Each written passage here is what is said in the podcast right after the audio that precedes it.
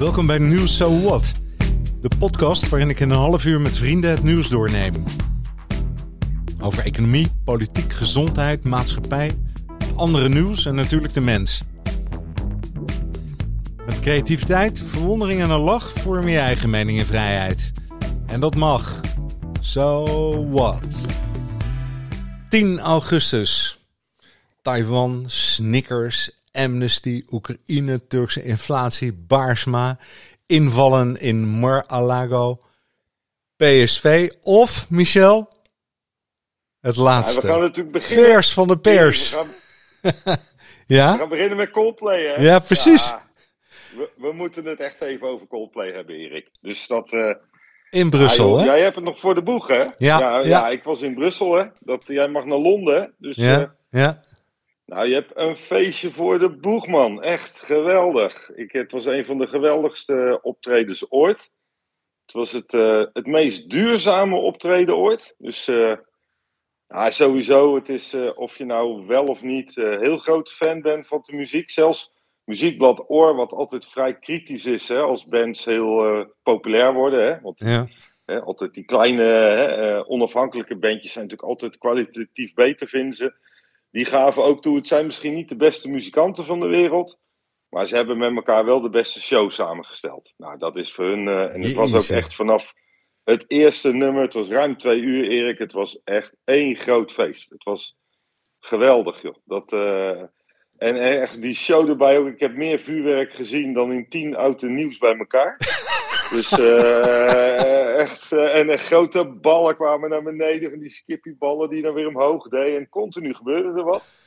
En ja, het was echt, echt een super aanrader. Maar wat ook mooi was, want we hadden voordat het concert begon, was er was het grootste reclameblok ooit van een half uur. En over al hun duurzame projecten die zij steunen. Nou, en dat is echt ja, daar, uh, dat vind ik toch wel echt indrukwekkend. Ze Hm. hebben hè, dus uh, de Ocean Cleanup, overal projecten om de natuur te herstellen met het aanplanten van bomen, het herstellen van de wildlife, over alle continenten. Hè, van de bekende Zuid-Amerika, Afrika, Azië, maar ook uh, de Schotse lakes, ja. wij spreken. Dus ja, echt, ik vond dat knap en het is ook echt gemeend. Ze hebben ook een appje hè, waar je naar de show, daar kan je dan ook die moet je zeker even downloaden. www.coldplay slash app. Er staan ook die projecten bijvoorbeeld op. Kan je natuurlijk ook wat uh, uh, filmmateriaal uh, zien van ze. Maar dan kan je bijvoorbeeld ook aanklikken van hoe je gereisd hebt naar het concert. En welke middelen. En dan kan je ook zien. wij waren met de hybride auto naar Brussel. Maar dat was nog niet helemaal goed. Want er was nog 0,7 boom of zo. Uh, maar als je met een uh, volledig elektrische groene uh, stroomauto reed, was je helemaal nul. Ja. en met de trein was ook beter, was 0,1 boom. Dus ook je footprint hè, in je reis daar naartoe. Echt, ik vind dat ze het echt heel erg serieus oppakken. Ik vind Ja. het echt goed. En, en wij hebben natuurlijk vaak over zagrijnige onderwerpen, over wat er in de wereld gebeurt. Ja. En dit was, hier werd je echt warm van met een goede boodschap. Als je het nou over leiderschap hebt, Erik, dat was de andere grote les, vind ik, hè, naast het feestje van de muziek. Eh, eh, eh, die Chris Martin, die, die snapt gewoon wat servant leadership is. Hè? Die, die draait het om, die, hè, die bedankt oprecht hè, alle aanwezigen. Die, hè, want je kan wel eens hebben dat sommige artiesten heel erg arrogant zijn of zo. Hij is het tegendeel. ja, zeker. En hij weet echt de snaar te raken over, jongens, hè, met alles wat er gebeurt in de wereld. Hè, hè, de bekende boodschappen natuurlijk van liefde hè, en, en met elkaar. En, maar je voelt het dan in zo'n vol stadion met 50.000 man, voel je dat ook. En, je, en je gaat natuurlijk lekker dansen en zingen met elkaar. En, maar er zit ook echt een mooie boodschap aan van laten we met elkaar ook echt bouwen aan hè, die stappen voor een betere wereld. En zij doen het ook, weet je, als voorbeeld. En uh, ja, ik, uh, ik kreeg er echt een warm gevoel van, uh, Erik. Ja, dus, uh, mooi. Ik hoorde iets vijf over... sterren voor Coldplay. Ja, Ja. helemaal mooi. Ik hoorde ook iets over een voorprogramma. Was dat er? Ja, ja, ja. Ze hebben was dat een- altijd lange voor. Ja? Een lokaal Dat beentje? vond of- ik niet. Nee, ja, ze hadden. Hè, dat wisselt per optreden. Ze hebben er twee. Hè, want eh, ze treden zelf beginnen ze de show net iets voor negen uur s'avonds. Dus je kan al vanaf eh, hè, vijf uur terecht voor de voorprogramma's. Ja, uh, wij hebben er een uitje van gemaakt. We zijn in Brussel eerst eens inhoudelijk langs het Europees Parlement geweest. Die grote zaal, Erik, met die stoelen. Ja. En al die 24 tolkhokken. Dus nog even een hapje gegeten vooraf in Brussel. En wij kwamen gewoon drie kwartier voor het concert aan. Dat laatste voorprogramma brachten we nog net mee. Ja, was aardig, maar daar ga je niet voor. Weet je wel? Je, je hebt wel eens dat het voorprogramma beter is, maar dat, je moet echt voor Coldplay zelf gaan uh, in dit geval. Ja, ja. Dus uh, we hadden prima plekken en uh, ja, het was echt, ja. Dus, maar hoezo, had jij nog voor het voorprogramma willen Nou, gaan? iemand die zei, um, die is in Berlijn geweest en daar trad ja. op Grammar of zo, hè? zoiets.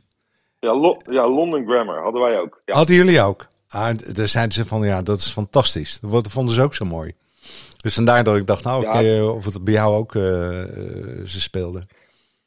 Wat, wat ik altijd doe, is dan, dan, dan ga ik van tevoren even, en als je London Grammar ook op Spotify opzoekt, hè, dan de bekende nummers, die herken je dan ook. Dan denk je, oh ja, het is best, het is een beetje, het is een mooie zangeres met een beetje art rock-achtige uh, zang. Maar, uh, ja, dus het is, het is helemaal niet verkeerd hoor, maar ja, uh, het, is toch, het, kan niet in de schaduw staan van Coldplay zelf. Nee, nee, nee, nee. Ja, fantastisch, fantastisch. Nou, mooi. Nou, bij mij volgende week vrijdag, hè?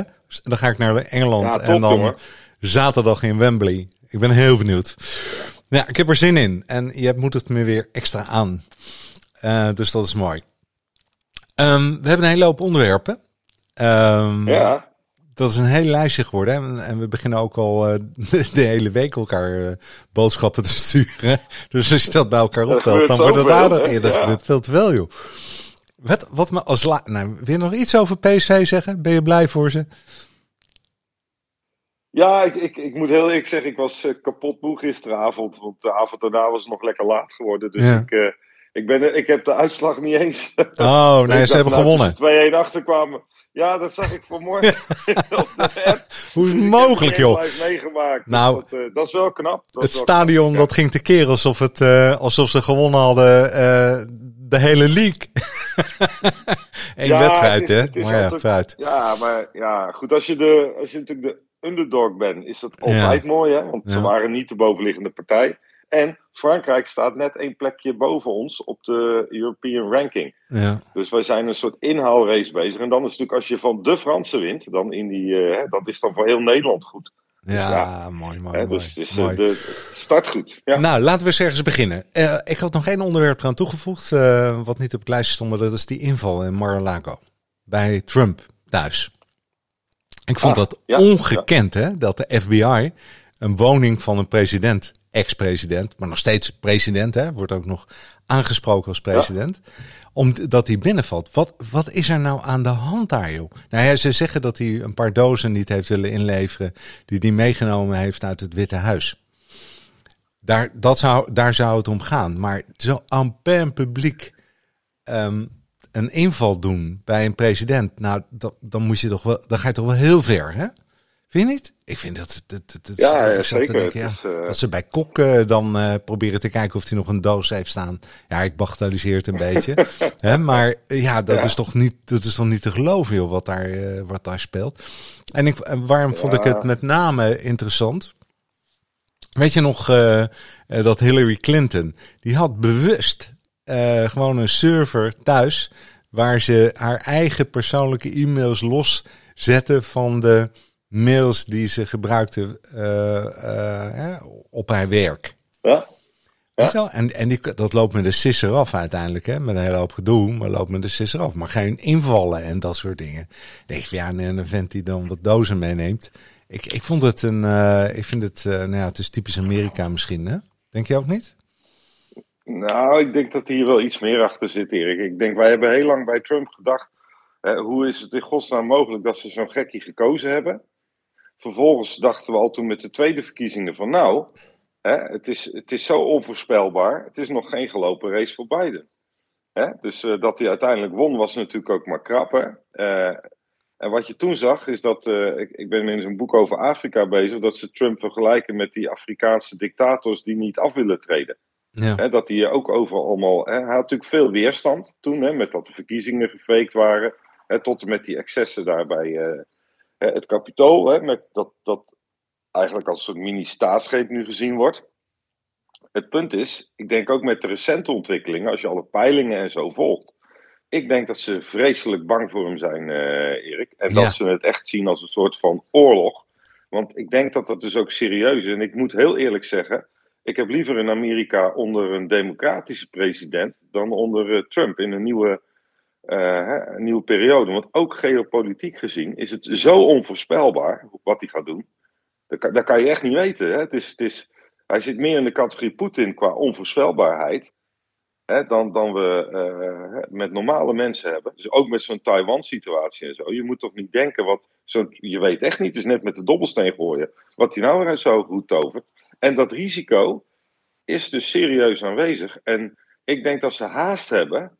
Want als straks uh, hè, ze de meerderheid uh, zouden dreigen te verliezen in het congres. dan hebben ze veel minder macht om dingen te doen. Hè, dus ze proberen nu nog even snel denk ik, zoveel mogelijk hem kwetsbaar te maken.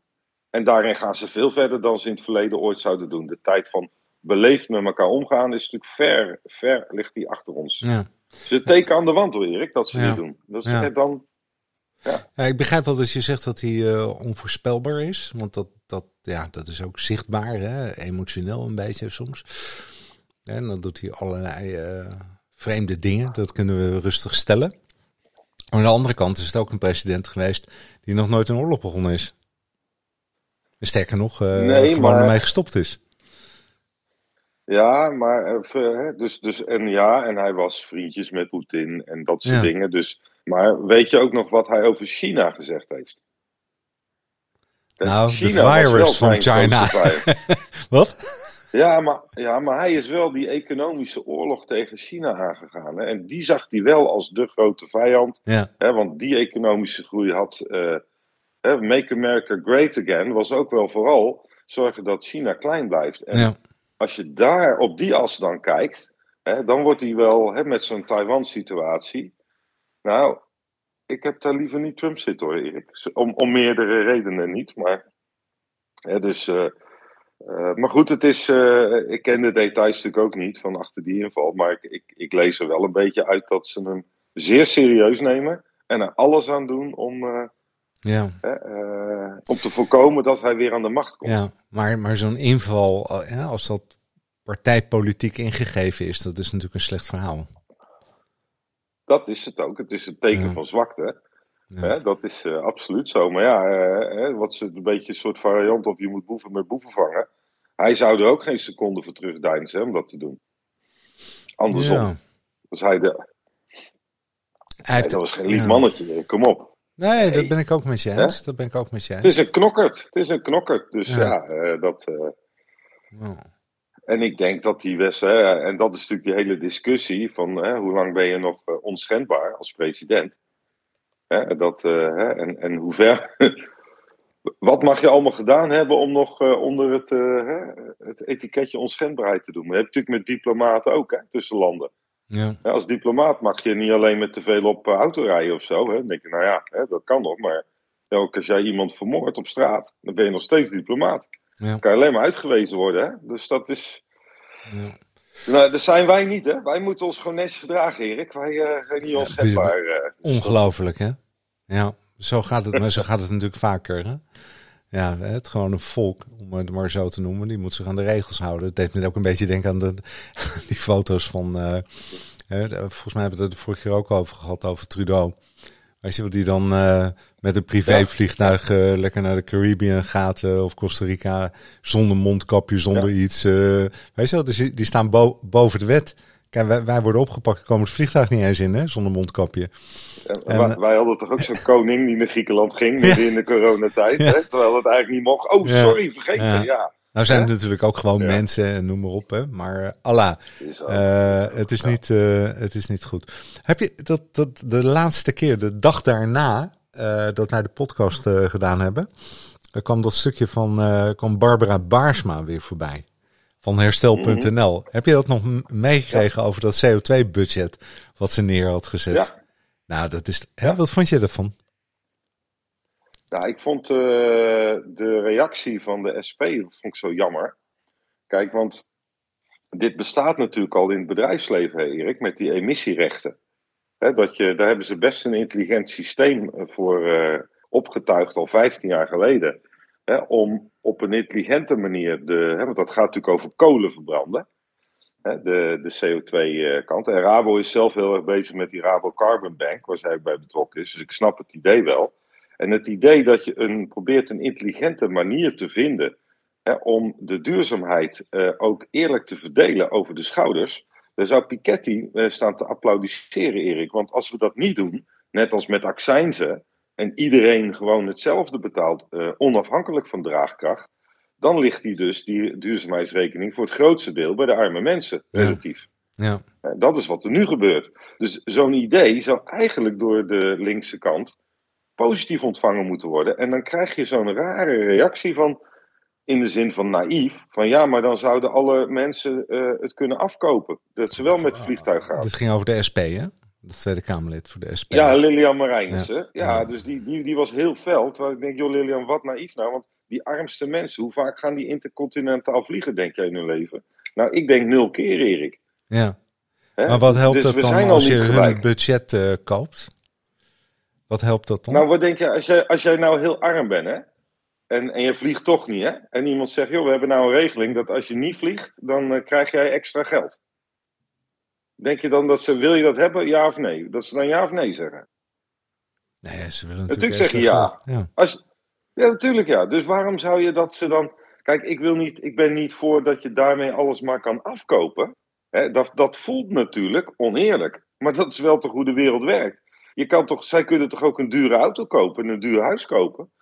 Dat, dat kan je toch ook wel oneerlijk voelen, maar daarmee kan je dat toch niet in één keer veranderen. En we gaan toch niet naar een communistische staat dat iedereen 100% gelijk is. Dat is toch onhaalbaar als denken. Dat weten we al. Ja, maar waarom zeg je dan niet de vervuiler betaalt? Waarom moet daar een systeem voor komen? En waarom zou het ene, kijk, een, uh, als je nou de CO2-credits voor een vliegticket koopt, zodat jij twee keer op vakantie kan van iemand die nooit op vakantie gaat. Hè, dat is één ding, maar het wordt wat anders natuurlijk als jij, uh, als ze zeggen, hey, lever jij je open haard in en dan kan ik een keer vliegen. Dus je hebt de mogelijkheid, je creëert de mogelijkheid om allerlei je creëert eigenlijk een nieuwe currency, zijn de CO2. Uh, uh, waar je van alles en nog wat in kunt gaan verrekenen. En dan vind ik het een soort van, van, van ja, bijna staat in de staat worden. Hè? Dat het systeem heilig is om, um, om, om, waar dus niet geld hè, de manier is om, om af te wisselen, maar CO2. Ik, ik vind dat een, een, raar mechanisme. Ik begrijp ook niet waar de overheid zich mee bemoeit dan. Wat ik dan zou zeggen is, nou, nou heb je een open hart? Nou, joh, wil je dat hebben? Goed, dat kost 1000 euro extra per jaar. Of uh, wil je uh, gaan vliegen voor de tweede keer? Nou, dan kost dat 500 euro extra CO2-belasting. weet je wel, dat, dan, dan begrijp ik het. Maar ik begrijp dat onderlinge uitwisselen niet zo goed.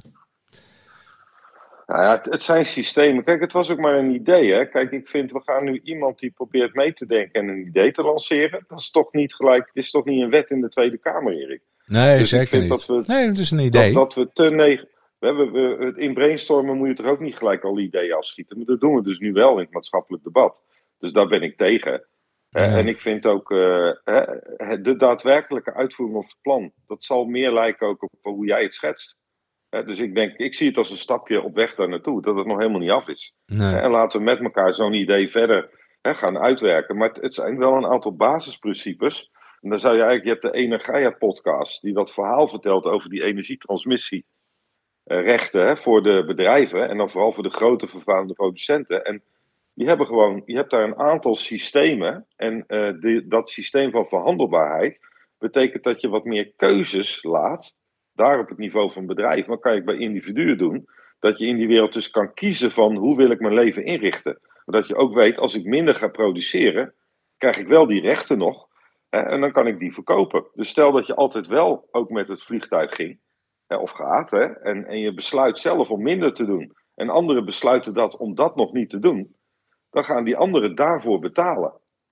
En in plaats van dat alles direct in de overheidskas gestort wordt en dat het voor iedereen hetzelfde is, word je op die manier ook beloond, zullen we zeggen, voor als je mhm. zelf snellere stappen maakt. En dat vind ik nog niet zo'n gek idee. Hm. Want het lukt ons in de supermarkten toch ook niet zo goed om, als producten nog iets duurder zijn, om dan voor duurzame producten te kiezen. Nee. Nou, stel dat je daar ook zo'n systeem zou hebben, dat de mensen die wel gewoon zwaarder belastende producten als vlees willen kopen, hè, dat, dat eh, bij wijze van spreken, dat, dat iedereen die vleesrechten heeft. Maar als je dat niet koopt, hè, en iemand wil wel vlees kopen, dat je dat van de ander koopt en dat die daarmee wel duurzame producten kan betalen, wat hij anders niet zou kunnen doen. Hè, dat soort ideeën zijn nog helemaal niet zo gek. En hoe dat dan precies uitwerkt, nou ja, we zijn wel gewend om eh, nu met digitale dingen en zo. We hebben toch ook cryptomunten en zo. Ja. Dus, eh, dus eh, we hebben spaarkaarten en eh, hè, dus, we hebben loyalties, passen. Nou, dus ik vind dat niet zo'n gek idee om een, een duurzaam loyalty concept of zo op te zetten. Ja. En als nou blijkt Nou ja. dat jij al twee keer gevlogen hebt en je wilt naar Schiphol en je mag niet vliegen. Omdat je al twee keer gevlogen hebt. Nou, maar dat, dat is dus niet dat voorstel. Nee, nee, nee, maar stel. Dan denk ik, eh, weet Ja. je wel, het neigde ergens naar een soort controle. En daar vind ik dat we ontzettend alert op moeten zijn. Hè? Want we hebben ook gezien wat, wat al die controlesystemen. Hè, bev- nou, Nee, maar eh, dat is, Erik, dat is niet waar. Dat, ik snap wel dat je dat denkt, maar dit, het basisuitgangspunt van dit systeem is nou juist dat dat niet zo is. Hè, dus ja, controle. Ja, je moet toch ook je geld opgeven voor de belastingen. Dus in die zin ja. Maar eh, je mag wel er zelf voor kiezen om bijvoorbeeld weer voor de derde of de vierde of de vijfde keer te gaan vliegen. Alleen degenen die dat doen, die moeten daar dan ook hun steentje aan bijdragen. Dat is het idee daarachter. Dat Ja. je dat niet stiekem kan doen. Net zoals zwart geld. Eh, kennen we nou toch ook nauwelijks meer. Hè? Maar, maar eh, tientallen jaren geleden in onze jeugd was, was dat een heel groot deel van de economie. eh, ik denk nog steeds een groot deel. Ja, we hebben-? Ja. Ja, maar nu zit het wel veel meer in het criminele circuit. Toen, toen was het bijvoorbeeld in, was het bekend bij de, bij de regering dat veel bedrijfstakken, hè, ook in het kader van discussie die we nu met inflatie hebben, hadden ze toen ook, toen was er hogere inflatie, toen werd dat gecompenseerd door medewerkers steeds meer zwart te gaan betalen. Ja. Hè, dat was een van de redenen hè, in dat boek over neoliberalisme in Nederland, dat ze zeiden van, hè, dat willen we ook weer niet. Hè, dus dan moeten we andere oplossingen bedenken. Ja. En dat is natuurlijk hier ook zo, want als iemand dan. Dan krijg je pas echt de ongelijkheid dat iemand wel gewoon kan gaan vliegen hè, terwijl niemand het registreert. Hoe weet je dan welke voeding er waar is? Ja. Maar ja, wat gaat iemand aan waar ik naartoe vlieg dan? Hè, de- weet je, de, de, ja, Hoeft toch ook niet? Hmm. Je hoeft toch niet te weten waar je precies naartoe gaat, als je maar weet hoeveel kilometer het is. ja. Hè, dus in de app van Coldplay kan je toch ook aangeven van, eh, ik zou voor de grap dacht ik van, dan ga ik, want dan kon je met een aantal vervoersmiddelen kiezen. hè. Je kon ook lopen of met fietsen, Ja, ja, taxi. ja. Toen dacht ik van, dan klik ik even Zuid-Amerika aan en dan lopen. Nou, toen zegt hij wel, dat is een beetje te ver hoor, met de fiets. Nee, dat is ook nog te ver. Dus eh, dat soort Oh, dingen. ja. Maar, Ja. eh, dus daar Ja. moest je wel echt vliegen Ja. aanklikken. En dan stond Ja. er gelijk zoveel kilometer. En dat, als ik dan naar Chili wilde vliegen of zo voor een concert, dat kostte dan acht bomen. Hè? Dat was echt eh, een stuk meer dan die 0,1 van met de trein naar Brussel. Ja. Dus het, het, het maakt dingen. Ik vond dat heel sterk dat het, los van of je er een systeem achter hangt, als begin je maar met inzicht voor jezelf. Hè, dat, Absoluut. wat is nou de impact van mijn eigen gedrag? En daar vind ik zo'n persoonlijk appje best wel heel erg Ja. goed voor. Dat je dan opeens nadenkt dat je denkt, oh chips. En als je dan je vakanties plant. En die telt dat erbij, hè? En dat je denkt, oh, nou dan heb ik weer vijf bomen, hè? kost me een komende vakantie. Nou, ik, toen jij zei naar, naar, naar Brussel 0,8 boom. Vind ik veel. Ja, vond ik ook. Ja. Dat Ja. heb ik niet gerealiseerd. Als het waar is. Hè? Ja, maar ja, daar gaan we eens even vanuit. Ja, wel veel. Ja, dan. ehm, nou ja, dat is goed om, er, eh, om zo over na te denken. Denk ik ook weer, ja, lekker slim hè. Gaan we naar, naar Wembley. Ja. Kijken. Wel met de trein. Ik ben heel benieuwd trouwens wat dat gaat opleveren. Hè? Ja, ja, ja. Het is niet Nou duurzaam ja, in ieder oh, geval. ja. Nou, met de trein was het maar 0,1 boom hè, naar Brussel. En en Ah, ja. Wembley is ietsjes verder. Maar, maar ik denk dat het met de trein naar Wembley lager is dan met de, de hybride auto naar, eh, naar Brussel. Ja. En dan heb je nog niet eens een oude benzineauto. Hè? Nee, Dus nee, dat, eh, waar, Brussel kom je overigens ook in die grens niet meer in hè, met oude benzineauto's. Die hebben ook al zo'n klimaatgrens, uh, die elk jaar ook opschuift. Hè? Dat kan je in die grafiekjes zien. Dat je dus, dus er zijn wel, vind ik, veel meer initiatieven al om duurzaamheid ons stapje voor stapje eraan te laten wennen of een kant op te duwen hoor. Ja. Er gebeurt echt veel meer in deze wereld dan, dan wij soms in de media horen. Ja. Want dan Ja. is het niet hip hè, qua nieuws. Nee. Nee. nee. Weet je wat ook niet hip is? Die Turkse inflatie. Volgens mij word je er ook niet populair van. Hè? Zag je dat? Oh, Nee. jij stuurde het toe, hè? Ja. ja. Mijn nou ja, joh. het- Dat halveert bijna Ja. per jaar. het geld. nou, ja, 72% of zo hè. Ja. Dat, eh, Bijna 80. Ja, dus ik. Ja, of 82, ja. Nou ja, bij die getallen, het is bizar, hè. Dan kan je. eh, ik moet dan altijd denken aan die hyperinflatie van dat Duitsland tussen die wereldoorlogen in. Hè, dat ze dan. Hè, op een gegeven ogenblik dan hadden ze allemaal brie- briefjes van, van de oude mark, zullen zeggen, van 2 miljoen mark en zo. Want ja, maar daar, was, daar kon je net een brood van kopen, dat soort dingen. Dus, eh, en dan denk ik, ja, dan is de inflatieproblemen die wij hebben, waarvan die energiedeel in de inflatie heel hoog is. Hè, dat is natuurlijk, eh, dat, dat valt allemaal nog in het niet bij dat Turkse gedeelte. Ja. Dus, Jeetje, eh, maar ik heb dus fa- familie die bijvoorbeeld huizen gekocht hebben in Turkije, jaren geleden. Hè, dat is, dat, dan eh, ben je er wel aan gelinkt. Hè? Dus die huizen zijn nu heel goedkoop daar. Maar ja, hè, wat heb je eraan? Wie wil het kopen? Ja. Raar, hè? Ik, ja, het is niet voor te staan. Ja, wij, wij schreeuwen moord en brand met die 10% hier.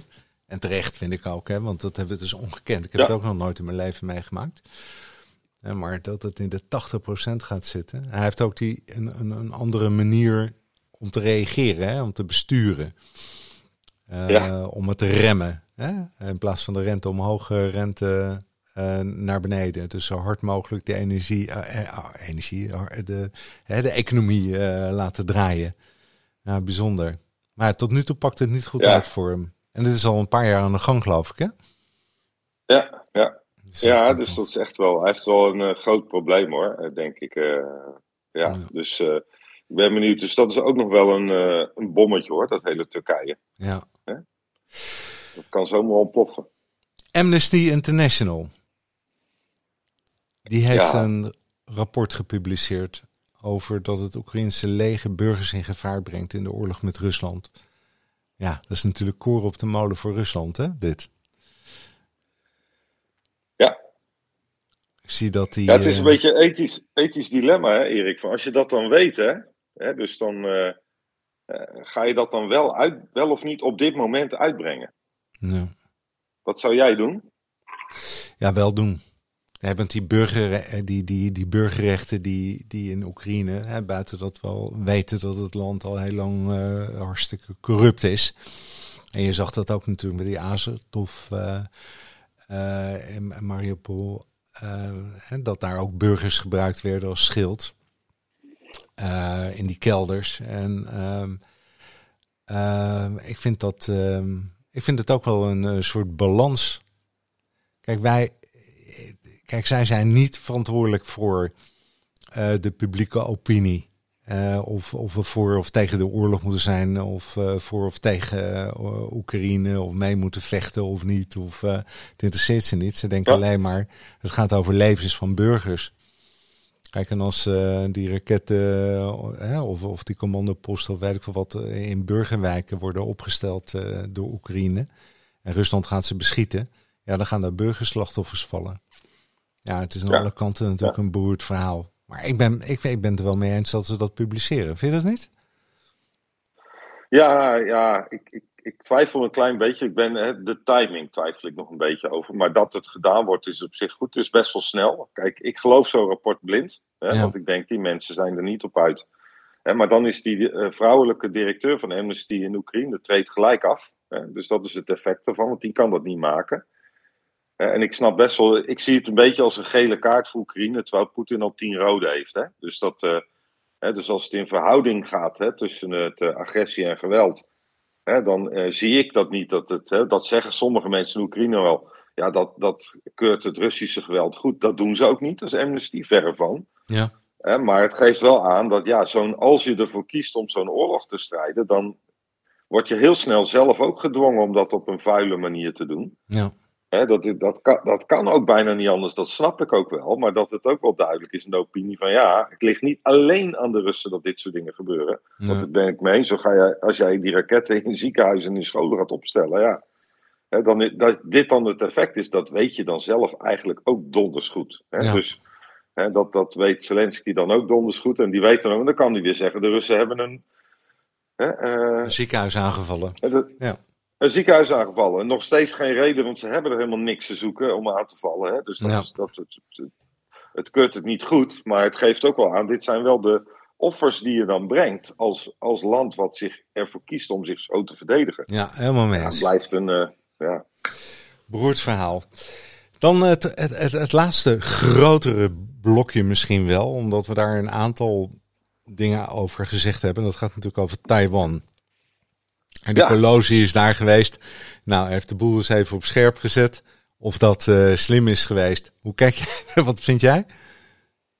ja, jij overviel mij natuurlijk vorige week, toen was het hot, hè? dus Ja. toen had ik dat niet voorbereid. Eh, ja, nu, nu is het wel duidelijk dat het eh, na alle een weekje analyseren, hè, want dit was het onderwerp ook bij de geopoliticoloog Ja, dat, het, dat ze, zij zeggen je moet kijken naar het, het gevolg van eh, je acties. Of het dan wel of niet verstandig was. Uitermate onverstandig. Want het speelt China in de kaart, is de analyse nu zo, dat Pelosi dat gedaan heeft. Ja. Het, het is negatief voor Taiwan zelf.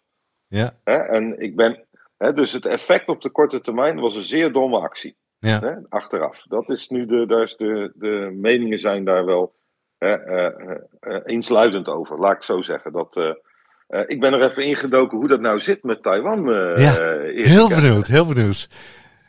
Want ik dacht, ja, hoe zit dat nou ook alweer? Hè? Want, dus, en dan heb je nou, misschien eerst een stukje de, de recente geschiedenis. Hè? Want Taiwan is pas is officieel. hoeveel landen van de wereld denk je dat het erkennen? Ja, de tien of zo, hè? En kleine landjes. Ja, 14. Ja, Allemaal kleine landjes. Eentje in Europa en dat is Vaticaanstad, weet je wel. Dus alle grote belangrijke landen op de wereld erkennen alleen maar eh, hè, de Volksrepubliek China.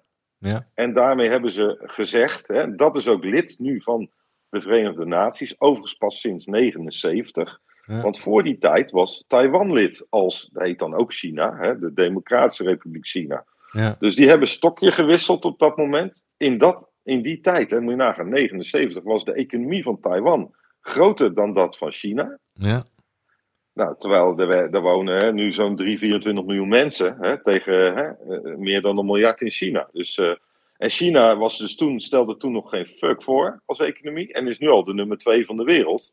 Waarvan hè, de discussie alleen is in welk jaartal worden ze de grootste. ja. Is dat ergens rond 2030, verwachten ze. Daar is Amerika zo bang voor en dan zijn ze niet meer de grootste. Ja, dus, eh, dus Taiwan is helemaal geen land. En wij, niemand heeft daar dus ambassadeurs voor. Hè? En niemand heeft een consulaat. We hebben wel allemaal bilaterale contracten, maar dat is gewoon met een soort regio. Dus dat Ja. maakt het wel heel raar in de discussie en de vergelijking met Oekraïne, want dat was nog een land. Hè? En dit is gewoon één. eh, en als je verder in de geschiedenis gaat, dan is het inderdaad. Ik heb nu het boek eh, uit de Aad van Amstel. Het heet eh, Barbaren, Rebellen en Mandarijnen. De VOC in de slag met China in de Gouden Eeuw. En, en dat, dat vertelt het verhaal eigenlijk van de ontstaansgeschiedenis van Taiwan. Hè? Of eh, hoe het toen Formosa genoemd werd. Ja. De naam die ze van de Portugezen kregen. ja. En dat wij het eerste land waren die het eigenlijk bezet hebben, wist ik niet. Nee. Port Zeelandia. En wij hadden dus de handelsrechten ook daar. En, en ook toen al, het huidige China, het groot China, Volksrepubliek, bestond toen natuurlijk nog niet. Toen had je nog in die tijd de strijd tussen de Ming en de Qing-dynastie. Dus, eh, en de Mings die wonnen uiteindelijk, maar die werden in eerste instantie als barbaren gezien, want die kwamen uit Manchurije. En dat vonden de Ja. oorspronkelijke Chinese hè, vreemden. Die hadden die, die knotjes ook. Ja, ja, ja. Dus, eh, hè, en toen, toen al vluchtten dan de Xings ook naar. Die, die hebben toen de Nederlanders uit eh, eh, Formosa verdreven. Hè, omdat ze uit het vasteland door die Mings verdreven werden. En, eh, en de, heel lang was het toen dus al eh, hè, wat nu Chinese eh, afstammingslijnen zijn. En dan hebben we het over zeven- 1685, hè, die tijd. Dus dat is best oud. België bestond toen nog voor, tot 1830 niet, hè, om maar een idee te geven. Hm. Dus, en uiteindelijk heeft eind 1880 of zo heeft Japan heeft toen het veroverd. Toen is het een Japanse kolonie geworden. En na het einde pas van de Tweede Wereldoorlog, die Japan verloor, moesten ze dat eiland teruggeven aan China. Dus op dat moment was er één China na de Tweede Wereldoorlog. Zowel het eiland Taiwan als de Volksrepubliek. En toen woedde daar die burgeroorlog tussen Mao Zedong met zijn rode boekje. Ja. En Chiang Kai-shek, de, de, eigenlijk de, de machtshebbers op dat moment. Die verloor, die Chiang Kai-shek. Die ook gesteund werd door het Westen. En die heeft zich toen teruggetrokken op Taiwan. En dus die republiek, de Democratische Republiek China, was toen, zat op Taiwan. En uh, ja, de rest was, uh, het grote vasteland, was toen Mao met zijn volksrepubliek, de communisten. En dat is een situatie die dus tot op de dag van vandaag eigenlijk nog steeds bestaat. Hè? Dus het is eigenlijk wel nog steeds, als je daarnaar kijkt, eigenlijk één land. Hmm. Met twee kampen. En nu zeggen ze dat de, uh, wat ze verwachten is dat China uiteindelijk, net als Hongkong en Macau en zo, wel alles weer onder één noemer wil brengen. Maar niet met oorlog, maar eigenlijk via een economiestrategie. Dat ze langzamerhand. En het is ook een hele belangrijke uh, schakel in de keten. Ze hebben een hele grote, goede chipindustrie in Taiwan. Dus er wordt ook gezegd: als daar die doorvoerlijnen bijvoorbeeld met een blokkade komen, dan gaat dat ons dat uh, in de economie over heel de wereld raken. Ja, ook in Veel China meer dan trouwens, Oekraïne. En ook in China. Ja, daar hebben ze dus ook helemaal geen belang bij. Ze hebben ook geen belang bij oorlog. Dus de verwachting was dat die spierballen die China nu laat zien, dat ze dat nooit hadden gedaan als die Pelosi daar niet geweest was. Maar ze willen, want ze hebben gedacht, of geredeneerd, ja, Biden zegt wel uh, dat, uh, dat ze dat op eigen houtje doet. Dat het niet een officiële, hè, de president is er dan niet. Maar hij heeft er natuurlijk wel oogluikend toegestaan. Hè, dus, dus een soort speldenprikje, zo ziet China dat. En die voelde zich wel hè, genoodzaakt om even zijn spierballen te laten zien. Niet met het idee dat ze nu een uh, militair conflict willen doen. De geo-gasten die, die verwachten dat China pas een oorlog wil doen. Als ze ook zeker weten dat ze het sterkste leger van de wereld hebben. En dat is nu nog niet. Uh, Amerika is militair nog superieur aan China. Maar het verschil wordt elk jaar kleiner. En, dus daar, en heel die regio baalt als een stekker van Amerika. er was net een overlegje ook tussen Indonesië en nog tien van die landen. Filipijnen, Maleisië, Cambodja, Taiwan, of Thailand. die zitten in de ASEAN. Ja, die hebben belang bij rust. En, en, want ook hun handelsroutes lopen allemaal door dat gebied. Dus ook die worden gigantisch geraakt als dat conflict zich verder uh, uh, verhevigt. Dus het is, dit is een nog grotere bom eigenlijk dan uh, Rusland-Oekraïne. Los van de nucleaire dreiging daar die in die regio nu gezien wordt. Dus dit was een slechte week voor de wereld, Erik. Ja, ik vond het ook. Maar ik, ik heb ook altijd ook het idee dat zo'n Pelosi, dat is natuurlijk een eigenwijs figuur, hè? En dat ja. die, die moeilijk onder controle te houden is. Hè? Ik wist ook niet dat zij de derde in lijn is. Hè? Of, na, of de tweede in lijn, of de derde in lijn om de president op te volgen. Dus het is nog wel een machtig iemand. Hè? Dus uh, stel dat uh, Kamala Harris uh, het niet redt, ja. hè, dan is zij de volgende ja. in lijn om president te worden. Dus het is nog wel een bepaalde functie kun je stellen. Maar ik kan me ook herinneren dat beeld dat bij tijdens een speech van Trump in het congres, weet je dat ze achter hem die documenten verscheurden. Weet je wel, het is mijn tante, hè? Het is... Ja, het is een tante. ik, ik hoorde, ze zijn wel natuurlijk, ze denken van, dat, dat ze wordt nu iets te lastig hoor, op de oude dag. Dus uh, het schijnt ja. dat ze Italiaans bloed ook nog heeft. Dus nu wordt er gedacht om haar ambassadeur van Italië te maken in de volgende benoeming. Dan is ze verveilig weg. Verder zitten wij er weer mee, hè? Krijg je dat weer? Ja, ja, oh, ja. Het is maar niet, een beetje lintjes doorknippen ja, en zo. Dus dat, ja. Hey, ik, ik had uh, Joby uh, van het weekend. Uh, toen ben ik bij hem geweest. Hè? En um, toen, toen zat ik daar op die tafel. Toen zei ik: hey, Wat vind jij eigenlijk van Taiwan? En dan zegt hij: Oeh, dat is een, dat is een eiland, hè? En een eiland is goed voor, voor zeerovers. Daarom stond het bekend. en als tweede, ja. vanwege de opiumhandel blijkt dat, ze, dat, dat, dat, dat, dat het opiumparadijs was. He, zo kende hij het, uh, uh, het, het, het Taiwan. He, dat kom je helemaal niet meer tegen. Hè, opiumhandel. Maar was natuurlijk vroeger, dat was echt een wereldhandel. Blijkt hè. Ja. Zeker, zeker. Ja, ja, dat, eh, Hmm. ja, en wat wij natuurlijk ook de VOC en zo noemden, dat waren ook halve zeerovers allemaal. Hè? Zo. Dus eh, alle, ge- gefund door rijke handelaren hier. Hè? Maar Ja. ja, ja dat, als je dat boek, eh, dat soort boeken over die tijd leest. Hè, en, dat, en, en je had natuurlijk nog eeuwen of, of millennia daarvoor dat het er ook al was. Ja, dat is zeker waar. Ja. Heb je eh, nog een boek om een, een aanrader als je dat over die tijd zou willen lezen? Zo uit je hoofd? Ja, ik, ik, eh, ja, dat wat ik vertelde, Aad van Amstel. Hè? Barbaren, Amstel. rebellen en mandarijnen. Dus die gaat over eh, die tijd, hè, van eh, de eerste contacten van het Westen met het Oosten in die regio. Hè, zo zou je het kunnen noemen. Hè, dat, en dat, ook, dat ze ook zelfs tot de Chinese keizer gaan, en net als Marco Polo. En dat ze dan eh, denken dat Batavia de hoofdstad van Nederland is. Hè? Dat, en dat lag natuurlijk op Java, hè? zo Ja. noemden we toen eh, Ja- Jakarta. En dat ze dan uit moesten leggen dat het van Batavia naar, eh, hè, naar, naar Formosa, dat dat dan een maand te reizen was. Maar dat het van Holland naar Batavia acht maanden reizen was. Zo. En dat het dus, nou dat was voor hen ook een, hè, voor die Aziaten ook een gek idee. Ja. Dat er dus een rijk was, wat zo groot was, dat ze acht maanden van hun hoofdstad naar hun regionale hoofdstad hè, moesten reizen. Dus dat, eh, ja, dat, was een, eh, dat Ja. kan je je niet voorstellen, heel Erik, die tijd en nu, hè? Hoe snel nu alles gaat. Onmogelijk eh, hè, om dat te realiseren, hoe dat bestuurd zou moeten worden ook.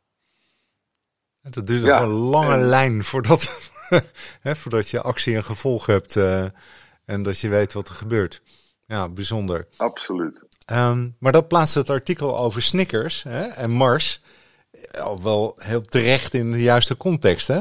Omdat Ja. M&S en Mars die hebben in China, dan, eh, China excuses aangeboden. Omdat het bedrijf Taiwan in de reclame van Snickers een land noemde. hè. Eh, tenminste, ik Ja. lees het hier zo.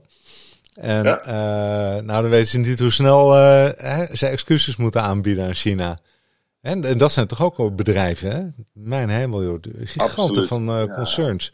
Hè, dus het is wel een, een factor om rekening mee te houden. En, en dat China, en zeker in de toekomst, en, en nu ook al.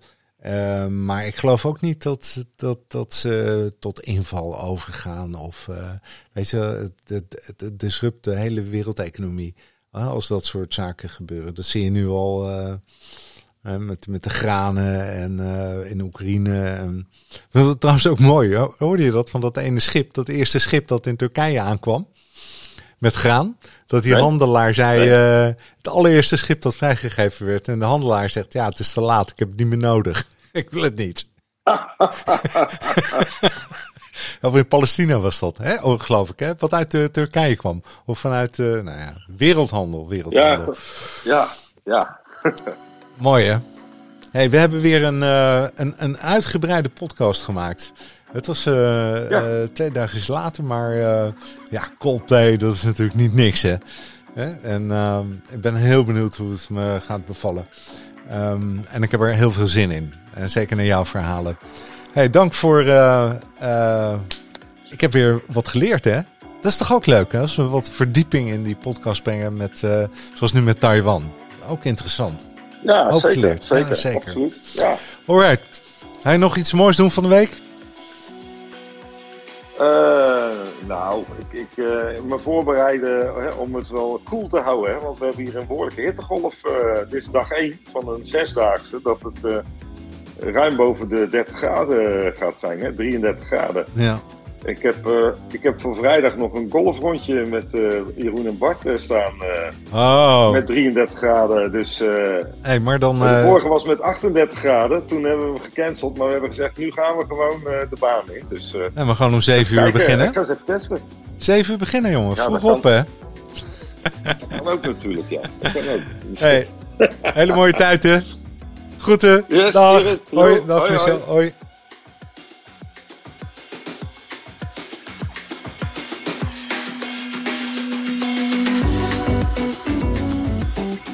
We hebben het genoeg gehad over eh, Taiwan. Maar het zal nog zeker niet de laatste keer zijn dat we het erover gaan hebben. Ehm, maar voor vandaag is het genoeg. Wat een wereld, hè? Ik zit echt met verbazing te kijken naar de onderwerpen. En uh, het lijkt wel alsof er overal hommeles is. Overal is er wat uh, te doen. Baart me zorgen. Nou, misschien moet ik gaan golfen, dat is beter. Alle best.